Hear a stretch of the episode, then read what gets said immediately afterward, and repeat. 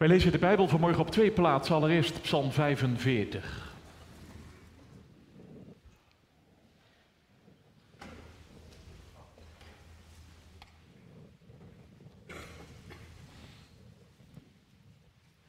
Psalm 45.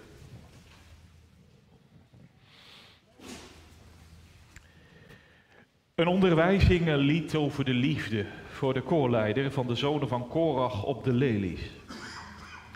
Mijn hart brengt een goed woord voort. Ik draag mijn gedichten voor over een koning. Mijn tong is een pen van een vaardige schrijver. U bent veel mooier dan de mensenkinderen. Genade is op uw lippen uitgegoten. Daarom heeft God u voor eeuwig gezegend. God uw zwaard aan de heup, o held, het zwaard van uw majesteit en uw glorie. Rijd voorspoedig uit in uw glorie op het woord van waarheid, zachtmoedigheid en gerechtigheid.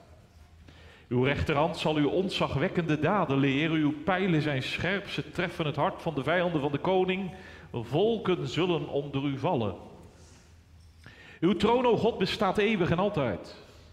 De scepter van uw koninkrijk is een scepter van rechtvaardigheid. U hebt gerechtigheid lief en haat goddeloosheid. Daarom heeft uw God u gezalfd, o God, met vreugdeolie boven uw metgezellen.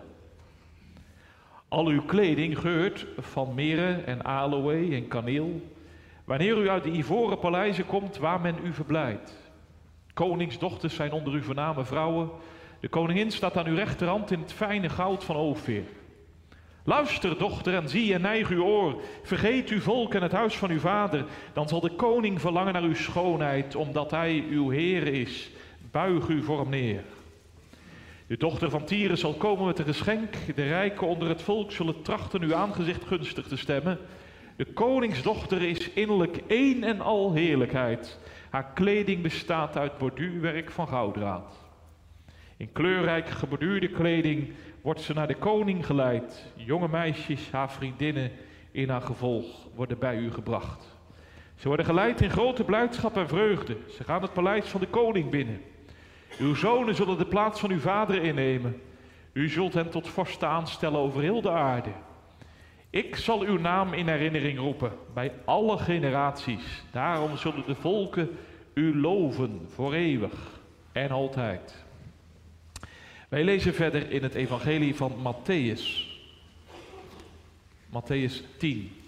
Vorige week Matthäus 9, nu Matthäus 10. Vanaf vers 16. Dan zegt Jezus tegen zijn twaalf leerlingen: Zie, ik zend u als schapen te midden van de wolven. Wees dus bedachtzaam als de slangen en oprecht als de duiven. Maar wees op uw hoede door de, voor de mensen, want ze zullen u overleven aan raadsvergaderingen en in uw synagogen zullen ze u geeselen.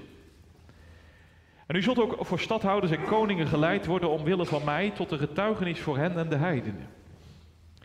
Maar wanneer zij u overleveren, moet u niet bezorgd zijn hoe of wat u spreken moet, want het zal u op dat moment gegeven worden wat u spreken moet. Want u bent het niet die spreekt, maar de geest van uw vader die in u spreekt. De ene broer zal de andere broer overleveren om getoond te worden, en de vader het kind, en de kinderen zullen tegen de ouders opstaan en hen doden.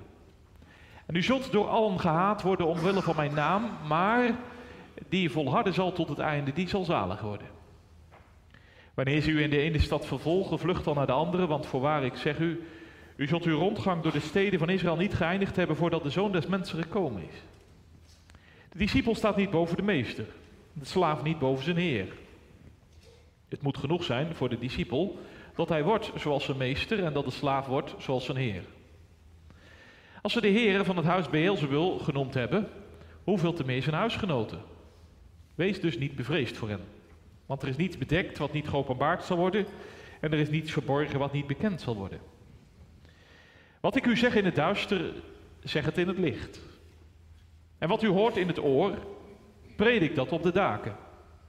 En wees niet bevreesd voor hen die het lichaam doden en de ziel niet kunnen doden, want, maar wees veel eer bevreesd voor hem die zowel ziel als lichaam te gronden kan richten in de hel. Worden niet twee musjes voor een penningje verkocht en niet één van die zal op de aarde vallen buiten uw vader om. En ook de haren van uw hoofd zijn alle geteld. Wees dus niet bevreesd, u gaat veel musjes te boven. Ieder dan die mij beleiden zal voor de mensen, die zal ik ook beleiden voor mijn Vader die in de hemel is. Maar wie mij verloochenen zal voor de mensen, die zal ik ook verloochenen voor mijn Vader die in de hemel is. Denk niet dat ik gekomen ben om vrede te brengen op aarde. Ik ben niet gekomen om vrede te brengen, maar het zwaard. Want ik ben gekomen om tweedracht te brengen tussen een man en zijn vader, en tussen een dochter en haar moeder, en tussen een schoondochter en haar schoonmoeder, en iemands huisgenoten zullen zijn vijanden zijn. Wie vader of moeder lief heeft boven mij, is mij niet waard. En wie zoon of dochter lief heeft boven mij, is mij niet waard. En wie zijn kruis niet op zich neemt en mij navolgt, is mij niet waard. Wie zijn leven vindt, zal het verliezen. En wie zijn leven verliest omwille van mij, die zal het vinden. Wie u ontvangt, ontvangt mij. En wie mij ontvangt, ontvangt hem die mij gezonden heeft. Wie een profeet ontvangt omdat hij een profeet is, zal het loon van een profeet ontvangen. En wie een rechtvaardige ontvangt omdat hij een rechtvaardig is, zal het loon van een rechtvaardige ontvangen.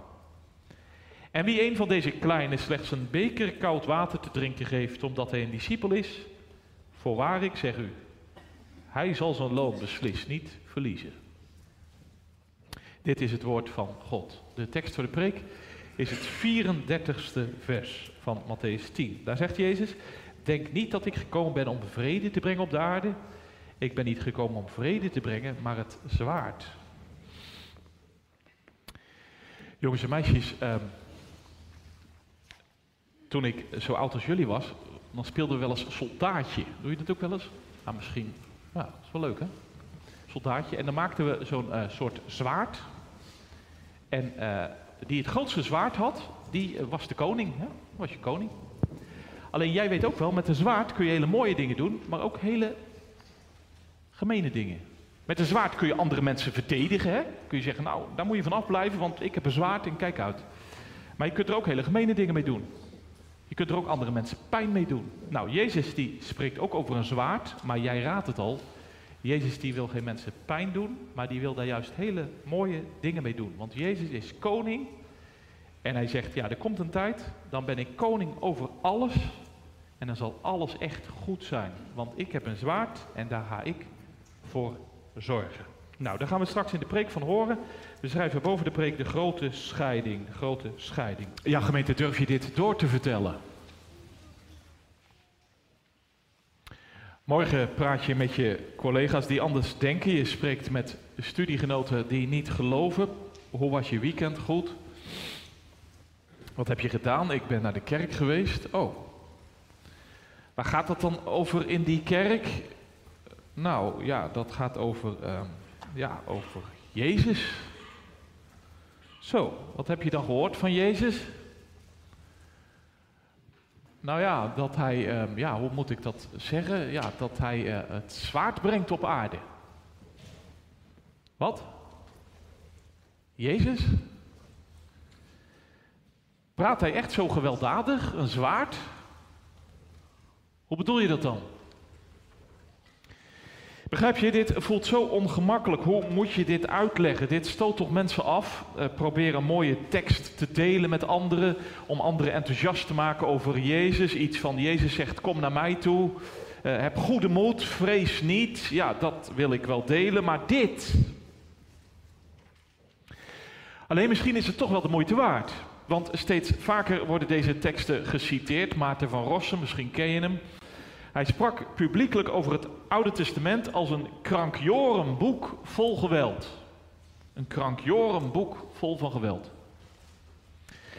Het gebeurt meer dan eens mensen buiten de kerk die zich wat verdiept hebben in allerlei religies, ook in het christendom. Ze citeren juist deze teksten zo van, ja, dat christendom, kijk, dat doet wel lief hoor, maar hun boek staat ook vol haat en geweld. Trouwens, Jezus kon er ook wat van. Jezus, ja, ja, Jezus die zegt ergens, ik ben niet gekomen om vrede te brengen op aarde, maar het zwaard. Nou dan. Daar sta je dan. Wat moet je zeggen? Hoe kan dit?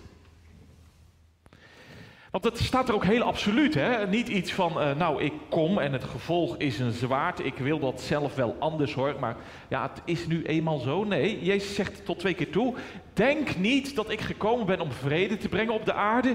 Ik ben niet gekomen om vrede te brengen op aarde, maar het zwaard. Eigenlijk staat er werpen. Ik ben niet gekomen om vrede te werpen op aarde, maar het zwaard. Daar ben ik voor gekomen. Daar is het mij om begonnen. Dat is niet alleen een gevolg van mijn optreden, maar dat is ook mijn doel. Zo. Hoe kan Jezus dat nu zeggen? Want eerder zei Jezus in dit evangelie, uh, zalig de vredestichters. Want ze zullen Gods kinderen genoemd worden. En straks zegt hij in Gethsemane uh, tegen Petrus, Petrus, Petrus, doe je dolk nou terug op zijn plaats, want alle die naar het zwaard grijpen, die zullen door het zwaard gedood worden. Dus Jezus is geen verheerlijker van geweld, dat is wel duidelijk. Dat doet hij nergens en dat doet hij ook hier niet. Maar wat zegt dat dan wel? Nou ja, Jezus die zendt zijn leerlingen erop uit. Ze moeten gaan preken, ze zullen tekenen doen, niet onder de heidenen, maar vers 6 zegt onder de verstrooide schapen van Israël. Twaalf namen worden genoemd, elke discipel wordt ingezet. Ze hebben van alles van Jezus intussen gezien, maar nu worden ze ook uitgezonden in Jezus' naam. Alleen Jezus is altijd eerlijk, ook nu. Hun uitzending zal geen successtory worden. Het zal een kruisweg zijn. Vers 16 als schapen te midden van de wolven. Vers 17 overgeleverd worden aan rechtscolleges. Vers 21 eh, zelfs door je eigen familieleden. Vers 22 gehaat worden door allen. Vers 23 vervolgd worden door velen. Dat is jullie deel, zegt Jezus. Nee, hij praat zijn leerlingen geen angst aan hoor. Zo is hij niet. Jezus is eerlijk en bemoedigend. Want tot drie keer toe zegt hij erbij, vers 26, 28, 31. Wees niet bevreesd. Wees niet bevreesd. Wees niet bevreesd. Wees niet bang. En dan klinken die woorden: Denk niet dat ik gekomen ben om vrede te brengen op de aarde. Ik ben niet gekomen om vrede te brengen op de aarde, maar het zwaard. Ja, Jezus twijfelt dus niet, hè? Hij deinst niet terug. En ook zijn discipelen, dat vond ik opmerkelijk, die nemen dat zonder tegenspreken aan. Hè? Ze wijzen het niet af. Zo van, uh, nou, nou, Jezus, nou, nou, nou, dat kan toch niet? Wat is dat allemaal voor een gewelddadige praat? Nee, ze lijken het dus te snappen wat Jezus zegt. Sterker nog, ze zullen er door bemoedigd zijn. Denk je ook niet? Nou zeg je bemoedigd, dat lijkt me wel stug. Want een zwaard, dat klinkt niet zo moedgevend, toch? Nou, denk even mee. Hoe zullen die leerlingen die woorden van Jezus nu gehoord hebben? Kijk, ze kennen het Oude Testament, de wet en de profeten. En juist dat boek, ik zat het even na te gaan, maar dat boek staat er vol van. Steeds komt dat zwaard terug. Weet je waar vooral? Vooral bij koningen. De koningin van Israël, uh, die draagt een zwaard. Want de koning is niet alleen koning, maar hij is ook rechter. De koning, hij leest elke dag een stukje uit de Torah, de eerste vijf boeken van de Bijbel. Hè? Dat was hij verplicht, Deuteronomium 17. De koning moest elke dag een stukje uit de Bijbel lezen. Want hij moest namelijk handelen naar Gods wil. Hij moest het zwaard hanteren zoals God van hem vraagt. Hé, hey, hoor je dat? Zoals God van hem vraagt. Want de koning van Israël is dus anders dan de heidense koningen. Ik bedoel, hij is geen verheerlijker van geweld. Hij slaat er nooit zomaar op los. Hij slaat nooit zomaar alles kort en klein. Nee, de koning van Israël, hij is juist geroepen om recht en gerechtigheid te brengen op aarde. Om mensen die verdrukt worden te verlossen. Om mensen die pijn lijden te bevrijden. Om mensen in ellende te helpen.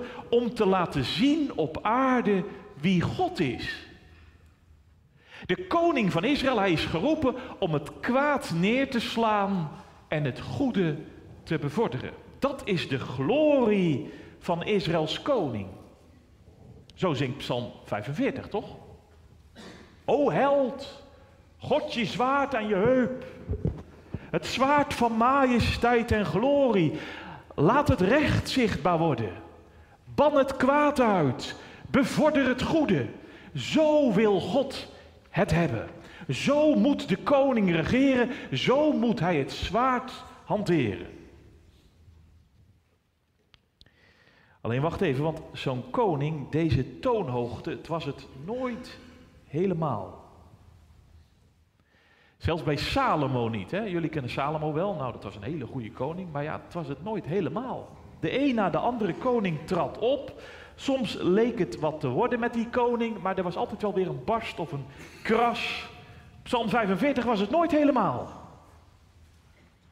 Maar wacht eens.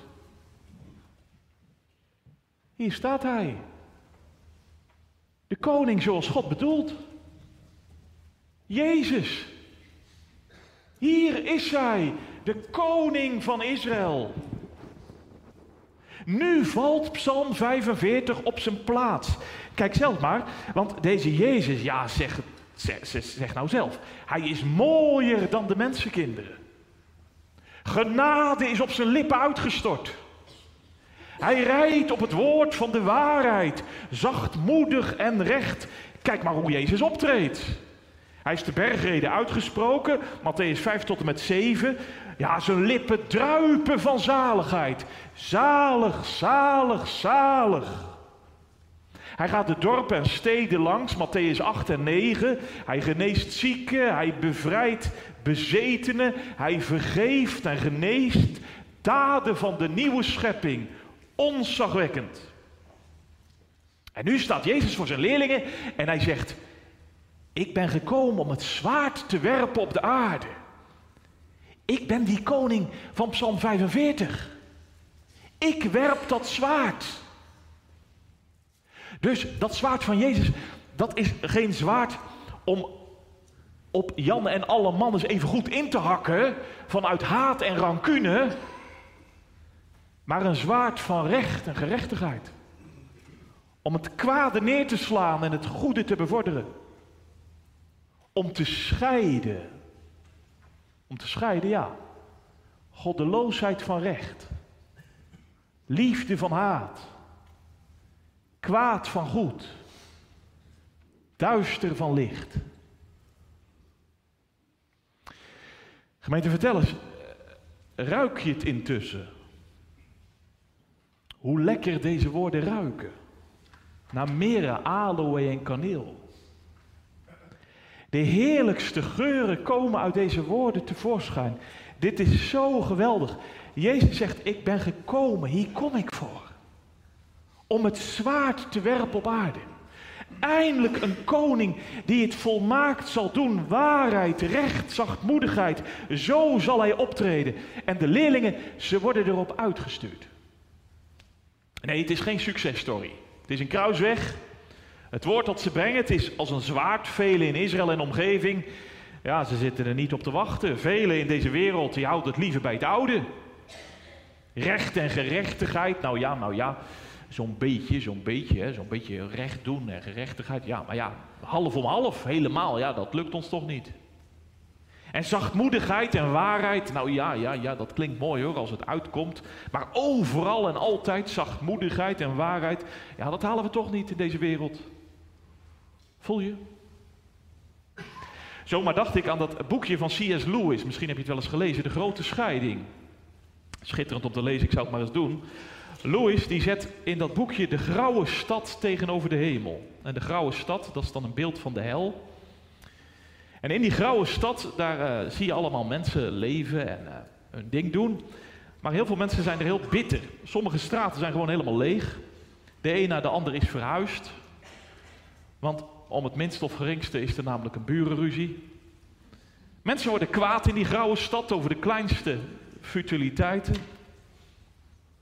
Op den duur gaan die helbewoners in een bus naar de hemel. En als ze bijna bij de hemel zijn, dan ruiken ze al de heerlijke geur vanuit de hemel. Maar dan roept zo'n buspassagier: Doe snel dat raam dicht, die lucht is veel te fris. Ze willen en kunnen in de hemel niet eens meer zijn. Nou ja, het is natuurlijk een beeld. Net zoals Bunyan ook in zijn christenreis allerlei beelden heeft gebruikt. Hè? Maar gaandeweg dacht ik, kijk, in onze wereld, in onze wereld ligt dat nog allemaal door elkaar. Hè? Goed en kwaad, het ligt gewoon helemaal door elkaar. Haat en liefde, duister en licht, recht en onrecht, goddeloosheid en vroomheid. Het ligt nog helemaal door elkaar. Ja, je kunt het zien hè, in je krant, op je beeldschermen. Uh, aan de ene kant van je krant lees je, jongeren hebben weer messen getrokken uh, en hebben elkaar daar en daar neergestoken. En aan de andere kant lees je over mensen die spullen inzamelen voor Turkije en Syrië. Haat en liefde ligt nog helemaal door elkaar. En op het ene moment zie je te kijken op die beeldschermen naar mensen die heel bitter zijn, kwaad worden om het minst of geringste. En het andere moment zit je te kijken naar mensen die goed doen, aardig zijn voor die en gene. Iets van de hemel, iets van de hel. Het ligt dwars door elkaar. Matthäus 10 is zo actueel.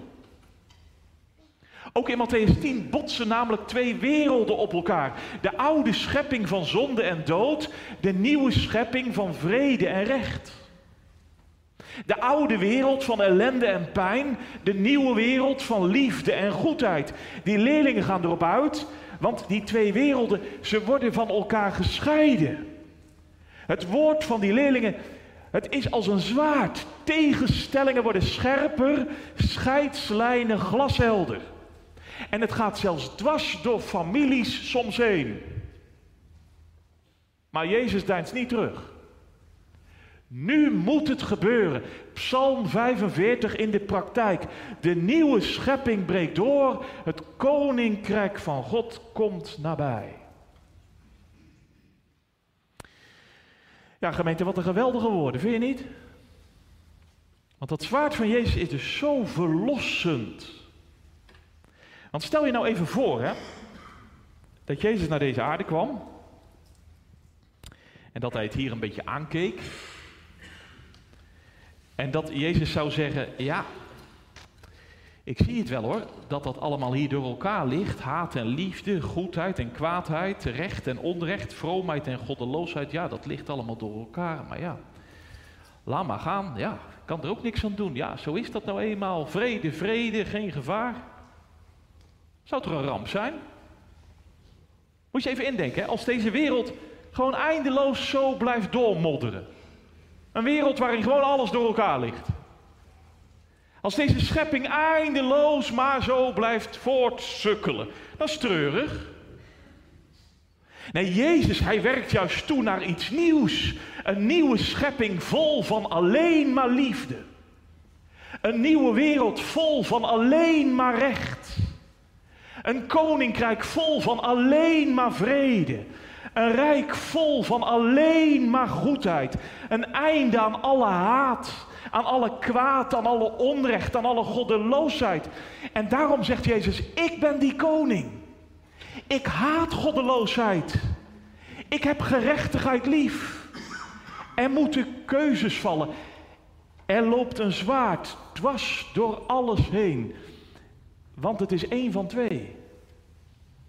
Naar de nieuwe stad of naar de grauwe stad. Mij beleiden of mij verloochenen. In het paleis van Psalm 45 aankomen of buiten dat paleis van Psalm 45 blijven.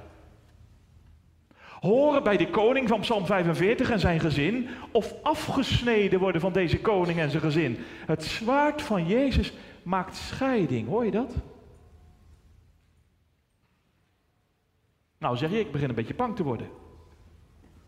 Want dat eerste, dat vond ik wel mooi dat je dat zo zei, en dat begrijp ik ook wel. Jezus die toewerkt naar een rijk zonder haat, kwaad, onrecht, goddeloosheid, ja, dat begrijp ik wel. Jezus, nou ja, begrijpen, dat is natuurlijk wel geweldig nieuws, hè. Uh, Jezus die toewerkt naar een rijk van alleen maar liefde, vrede, recht, goedheid. Maar dat andere, ja, dan denk ik, ja, ja, ja, maar bij welk rijk hoor ik dan? Als het avondmaal komt, mag ik dan aangaan? Moet ik afblijven? Wacht. Weet je wie er vanmorgen in ons midden is? Hier in de morgenster. Jezus. Jezus, ja. Kolbrugge zegt in een proefschrift op Psalm 45, hij zegt in de Bijbel, als de Bijbel opgehaald, daalt God naar de aarde af in een menselijk lichaam.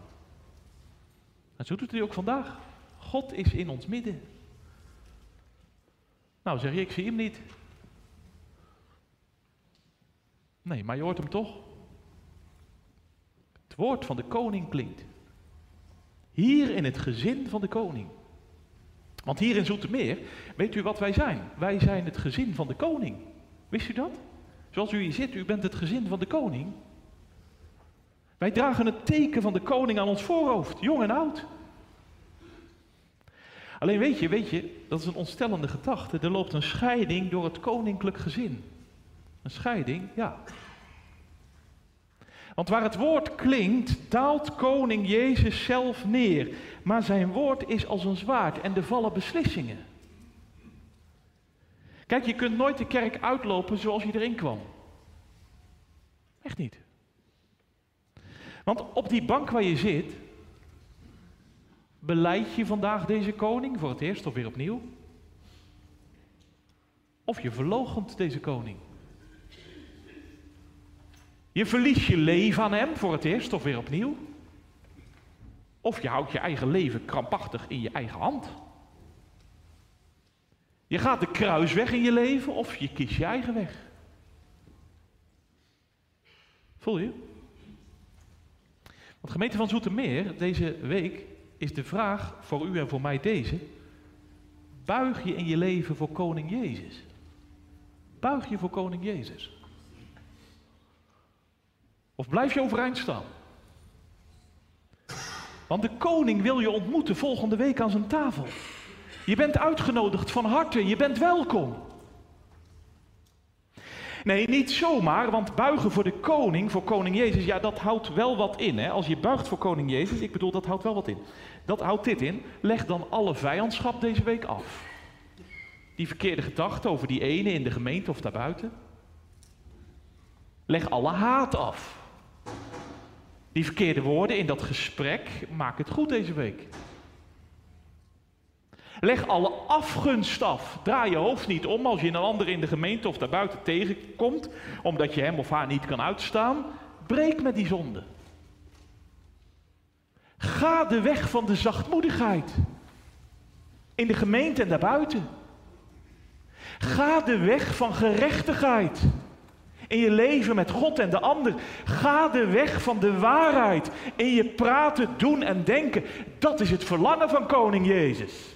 Dat wil Hij in je leven doen en werken. Hij wil je meenemen naar de nieuwe schepping die komt. Ja, eerlijk is eerlijk. Als je in je leven, en dat zul je misschien ook wel ontdekt hebben in je leven, als je nou in je leven de weg achter deze koning aangaat, hè, in zachtmoedigheid naar anderen, in Zoetermeer en daarbuiten, in recht doen aan anderen, ja, dat wordt lang niet altijd in dankbaarheid aanvaard, toch? Die weg zien velen ook niet zitten. Dat kan zelfs scheiding opleveren. Soms zelfs door bloedbanden heen. Begrijp me goed, dat moet je nooit zoeken. Hè? Dat moet je nooit gebruiken om je eigen straatje schoon te vegen. Zo van ja, hij moet me niet, ze moet me niet. Wat een vijandschap, want ja, ik ben van Jezus, dus ja. Nee, die scheiding door bloedbanden heen, dat mag nooit aan jou liggen. Maar het kan wel gebeuren. Juist als je buigt voor koning Jezus. Zomaar dacht ik aan die Pakistaanse vrouw. Ik zat haar verhaal te lezen. Ze was christen geworden en ze vertelde: Mijn broer wil me doden. Overleveren aan het gerecht. Want ik ben christen geworden. Matthäus 10 in de praktijk. Of nog dichterbij, die jongen die ik sprak in mijn vorige gemeente, deed beleidenis. Hij had zulke aardige vrienden, hij kon er altijd goed mee lachen en ze lagen elkaar tot en met. Maar hij ging Jezus dienen en gaandeweg werd het anders. Het liep niet meer zo. En zijn vrienden zeiden op ten duur tegen hem: Ja, jij voelt het natuurlijk ook wel, het werkt eigenlijk niet meer tussen ons. Want jij bent ook zo vroom geworden. Hij vertelde het mij en hij raakte zo geëmotioneerd. Ik vroeg aan hem, wat voel je dan? Hij zei pijn. Want ik ben ze kwijt. Alleen het is goed zo. Want ik ben zoveel van Jezus gaan houden. Vond ik wel ontroerend. Hij zei: Het is goed zo. Want ik ben zoveel van Jezus gaan houden. Matthäus 10 in de praktijk. Vertel dan als gemeente van Zoetermeer, u bent vandaag in het gezin van God, in het gezin van de koning. Alleen hoe staat het met u? Hoe is het met jou? Het avondmaal komt. Hoe sta je tegenover koning Jezus? Buig je voor hem? Kreeg je hem lief? Je zegt ja, ik heb hem echt lief gekregen. Of zit je eigenlijk nog in je leven vast aan de grauwe stad? Nou zeg je grauwe stad, ja. Je wordt kwaad om het minst of geringste. Je blijft bitter over de kleinste futiliteiten, dat je denkt, man, houd er toch over op. Of gewoon, hè, of gewoon, je leeft gewoon je leven en ja, het lukt, het loopt, het gaat lekker en fijn, maar zonder koning Jezus. Dan blijft de tafel voor je gesloten. Alleen bekeer je dan. Buig voor koning Jezus. Want een betere koning dan hij, ik zou niet weten waar je hem kunt vinden hoor. Een beter leven dan met hem, ja, ik zou niet weten waar je dat kunt ontvangen. Ja, zegt iemand, dat klinkt mooi, maar ik krijg ook een beetje ademnood. Want ik zeg maar heel eerlijk, ik heb deze koning lief in mijn leven. Maar als ik mijn leven bekijk, ook in zo'n week van voorbereiding, dan denk ik ja, maar tegelijk is er ook in mijn leven nog zoveel grauwheid. Kijk, zachtmoedigheid, gerechtigheid, liefde. Ja, maar het ligt in mijn leven nog allemaal zo door elkaar. Als ik op mezelf zie, dan denk ik zo vaak: God, wat maak ik ervan? Wat ben ik vaak eigenwijs naar u toe en naar anderen toe? Wat ben ik vaak onverbeterlijk naar u toe en naar anderen toe? Wat ben ik vaak hard? Ik herken het. Alleen vertel dat dan deze week aan Jezus. Vertel dat dan deze week aan Jezus. En leg gewoon deze week Psalm 45 open op tafel. En je leest en je herleest de woorden. Je snuift de geur van dit lied op. En je schuilt in deze psalm met al je halfheid. Zodat je breekt met je halfheid door de kracht van de geest. Zodat je ook in deze week weer zoekt naar heelheid. Door de macht van, de van het woord. Ja, gemeente van Zoetermeer, kijk hem er vanmorgen eens op aan. Jezus Christus. Want deze Jezus, hij is onderweg naar het kruis. En straks staat boven zijn hoofd geschreven: Jezus, de koning van de Joden. Ja, zijn woord werkt scheidend als een zwaard. Kijk maar onderaan dat kruis. Vele lasteren hem. Ze wijzen naar hun hoofd en ze zeggen: Die man is niet goed hoor. Ze moeten er niks van hebben. Doe dat raam dicht. Die lucht is veel te fris. Maar kijk eens, kijk eens. Onderaan dat kruis. Anderen buigen voor hem. Ze verlaten de grauwe stad. De paasmorgen maakt alles nieuw. Ze gaan mee met Jezus. Ze zingen voor Hem. Mijn hart vervuld met helbespiegelingen. Ik zal het schoonste lied van deze koning zingen. Ja, zo gaat het gezin van deze koning onderweg. Naar de dag dat hij het zwaard volmaakt zal hanteren. Zuiver en rein. Dan zal hij definitief scheiden gaan. Goddeloosheid van recht. Haat van liefde. Kwaad van goedheid. Duister van licht. Daarom kom gemeente, want de beslissingen van straks, die vallen hier en nu onder de preek. Ik bedoel dit. Wie vandaag weigert te buigen, die is onderweg naar de grauwe stad.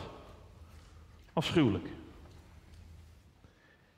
Wie vandaag voor koning Jezus buigt, die is onderweg naar een rijk van alleen maar liefde, alleen maar recht, alleen maar vrede, alleen maar goedheid. Zalig wie deze Jezus volgt. Zalig wie deze Jezus kent. Zalig wie deze Jezus lief heeft want Gods nieuwe schepping komt, gemeente. Een schepping vol van alleen maar liefde. Een wereld vol van alleen maar recht. Een koninkrijk vol van alleen maar vrede. Een rijk vol van alleen maar goedheid. Dat zal me toch wat zijn, hè? Daar krijg je toch zin in, of niet? Krijg je er zin in? Daar ga je toch naar verlangen. Want hier in deze wereld, ik weet niet hoe u dat heeft, maar alles ligt nog zo door elkaar. Tot zelfs in mijn eigen leven. Maar wat zal het toch verrukkelijk zijn? Als op die dag eindelijk alles goed zal zijn. Eindelijk alles nieuw. Alles vol van Hem. Ja, ik kan er eigenlijk alleen maar over brabbelen als een kind. Hè? Ik sta ook maar een beetje, ja. Mijn woorden zijn veel te klein en veel te. Maar ik hoop zo, gemeente, dat in het gezin van de koning in Zoetermeer. dit gebrabbel van morgen jongeren en ouderen. vol maakt. Nog voller maakt. Van liefde en goedheid door de kracht van de geest en de macht van het woord. Om het morgen gewoon te vertellen. Morgen praat je weer met die collega's hè, die anders denken. En eh, met je studiegenoten die niet geloven. Hoe was je weekend? Goed, goed. Oh ja, ja. Wat heb je gedaan? Nou, ik ben naar de kerk geweest. Twee keer. Zo, twee keer. Proef. Nou, ja. Waar, waar gaat het over in die kerk? Nou, over Jezus. Zo. En wat heb je over Jezus gehoord? Dat hij het zwaard brengt op aarde. Maar weet je, ik werd daar zo blij van. Ik zal het je uitleggen. Dankzij Jezus weet ik dat het kwade en goede niet eindeloos in deze wereld door elkaar heen blijft liggen. Dankzij Jezus weet ik dat recht en onrecht in deze wereld niet eindeloos door elkaar heen blijven liggen. Dankzij Jezus weet ik en geloof ik dat liefde en haat niet eindeloos in deze wereld door elkaar heen blijven liggen. Er komt een nieuwe wereld. Een nieuwe wereld, ja. Ik geloof zo vast, er komt een nieuwe schepping. En als je daar een plek wilt, buig voor koning Jezus. Verlaat de grauwe stad aan de glanzende toekomst van Psalm 45. Wenkt en wacht. Het rijk van enkel vrede, licht, liefde, goedheid. Gemeente van Zoetermeer, dat rijk dat staat op doorbreken hoor. Dat rijk dat komt er echt aan. Daar staat Jezus voor in. Maranatha. Amen.